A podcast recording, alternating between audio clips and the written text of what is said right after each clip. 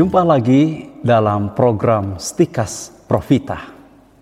Para saudara, di masa setelah Natal ini kita punya perayaan besar Bunda Maria.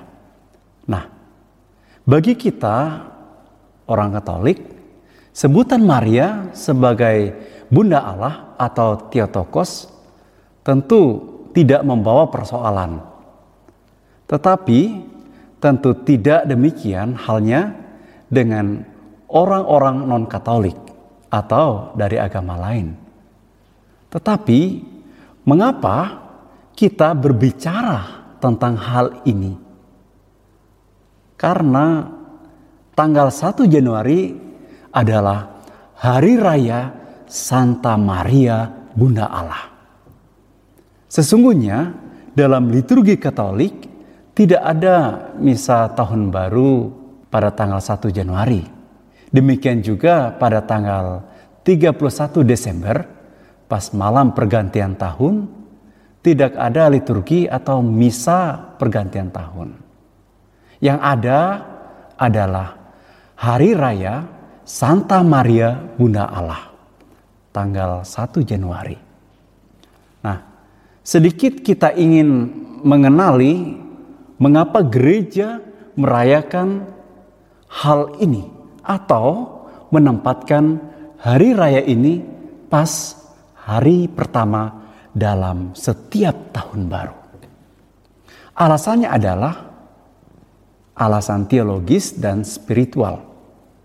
Karena kita sebagai warga Katolik mau menjalani tahun baru bersama Maria, Bunda Allah.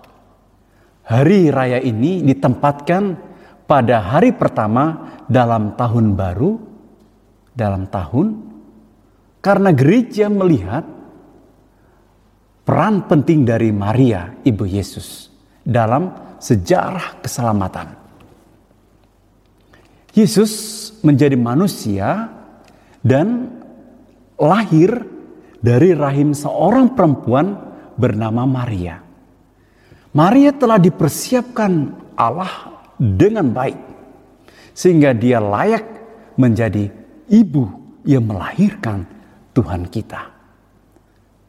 Kami mengajak para saudara untuk mengenal lebih dalam tentang hari raya ini. Pertama-tama, Maria dihormati dalam gereja Katolik dan gereja lain seperti Ortodoks, karena rahmat yang dia terima dari Allah sendiri. Hal ini nyata dalam kitab suci. Dalam gereja, ajaran tentang Maria, Bunda Allah, sudah sejak dini. Juga bagaimana kitab suci perjanjian baru memberi kesaksian tentang hal itu.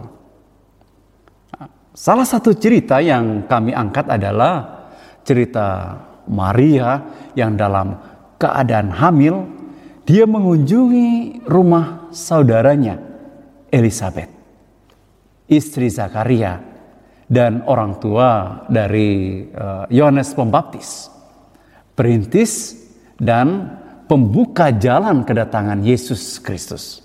Dalam Injil Lukas dikisahkan bahwa Maria berangkat dari Nazaret ke suatu kota di pegunungan Yudea ke rumah Zakaria dan Elizabeth.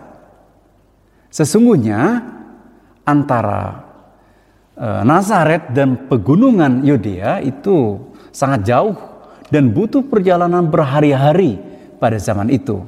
Nah, hal yang menarik bagi kita adalah pertemuan kedua perempuan yang sedang hamil secara ajaib ini. Elizabeth masih mengandung, padahal usianya sudah lanjut. Sedangkan Maria, dia masih muda. Tetapi kehamilannya itu karena siapa? Karena karya Roh Kudus. Nah, kitab suci sangat jelas menceritakan kisah kehamilan kedua perempuan hebat ini. Sekaligus menampilkan bagaimana karya Tuhan terjadi melalui mereka berdua yang masih bersaudara ini. Ketika Maria sampai di rumah Elizabeth, ia masuk ke rumah Zakaria dan memberi salam kepada Elizabeth.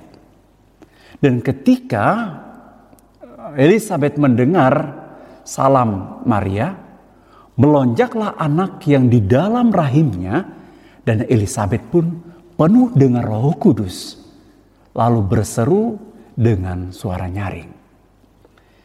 Diberkatilah engkau di antara semua perempuan dan diberkatilah buah rahimmu.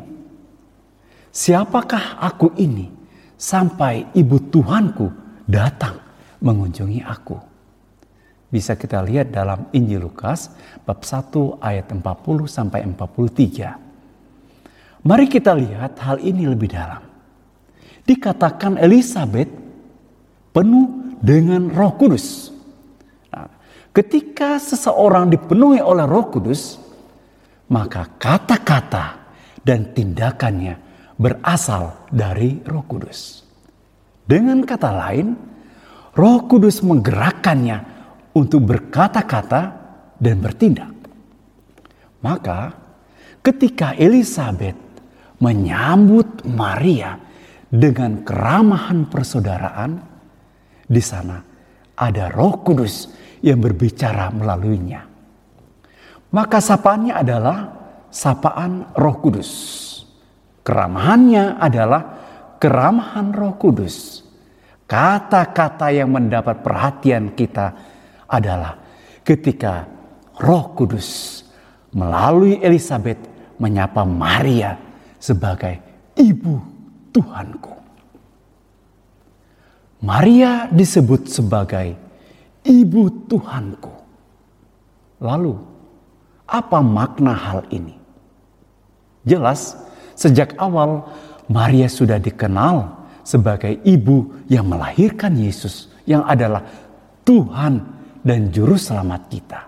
Maka dia pantas disebut sebagai ibu Tuhan karena itu patut dihormati. Kalau Tuhan yaitu Roh Kudus melalui Elizabeth menyapa Maria dengan sebuah sapaan agung penuh rahmat. Lebih-lebih lagi untuk kita manusia kitab suci sendiri memberi kesaksian yang sangat jelas tentang hal ini. Sebenarnya, pandangan tentang Maria sebagai bunda Allah atau ibu Tuhan bukanlah hal yang ganjil.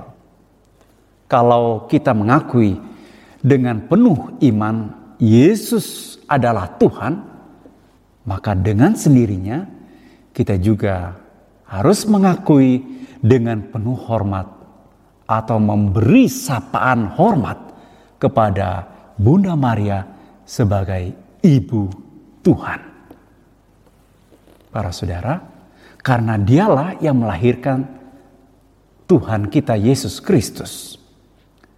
Sebagai orang beriman kepada Kristus, kita uh, tidak perlu ragu akan hal ini tentang Maria sebagai ibu Tuhan dikatakan bahwa pernyataan bahwa Maria itu bunda Allah merupakan dasar yang melegitimasi seluruh ajaran serta devosi tentang Maria.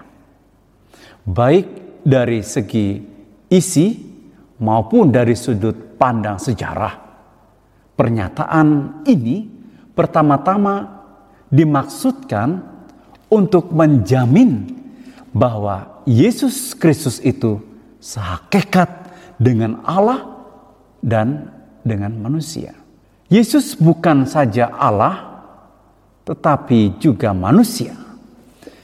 Sebagai Allah, dia sama dengan Bapa, dan sebagai manusia, dia lahir dari rahim seorang perempuan maka perempuan yang melahirkannya pantas disebut Bunda Allah atau Ibu Tuhan.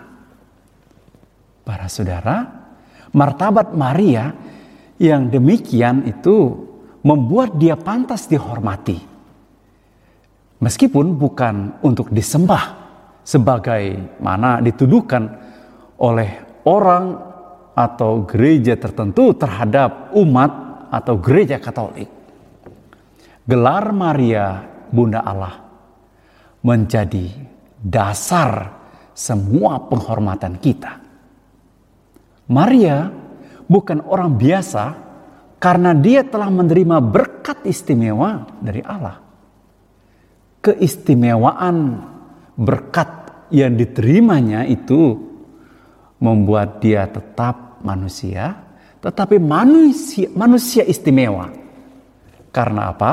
Karena dia dipilih oleh Tuhan Karenanya eh, Maria pantas dihormati oleh setiap orang Kristen, setiap orang Katolik.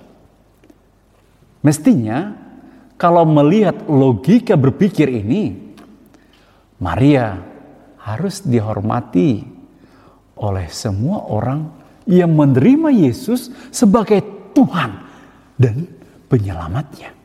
Karena alasan inilah Mengapa di awal tahun baru kita menempatkan hari raya ini agar Maria, ibu Tuhan, tetapi sekaligus ibu kita, ibu gereja, berjalan bersama kita dalam mengarungi kesulitan-kesulitan yang dihadapi pada tahun yang akan datang. Semoga saudara mengenal dan mencintai kebenaran dan akhirnya diselamatkan. Salam Profita.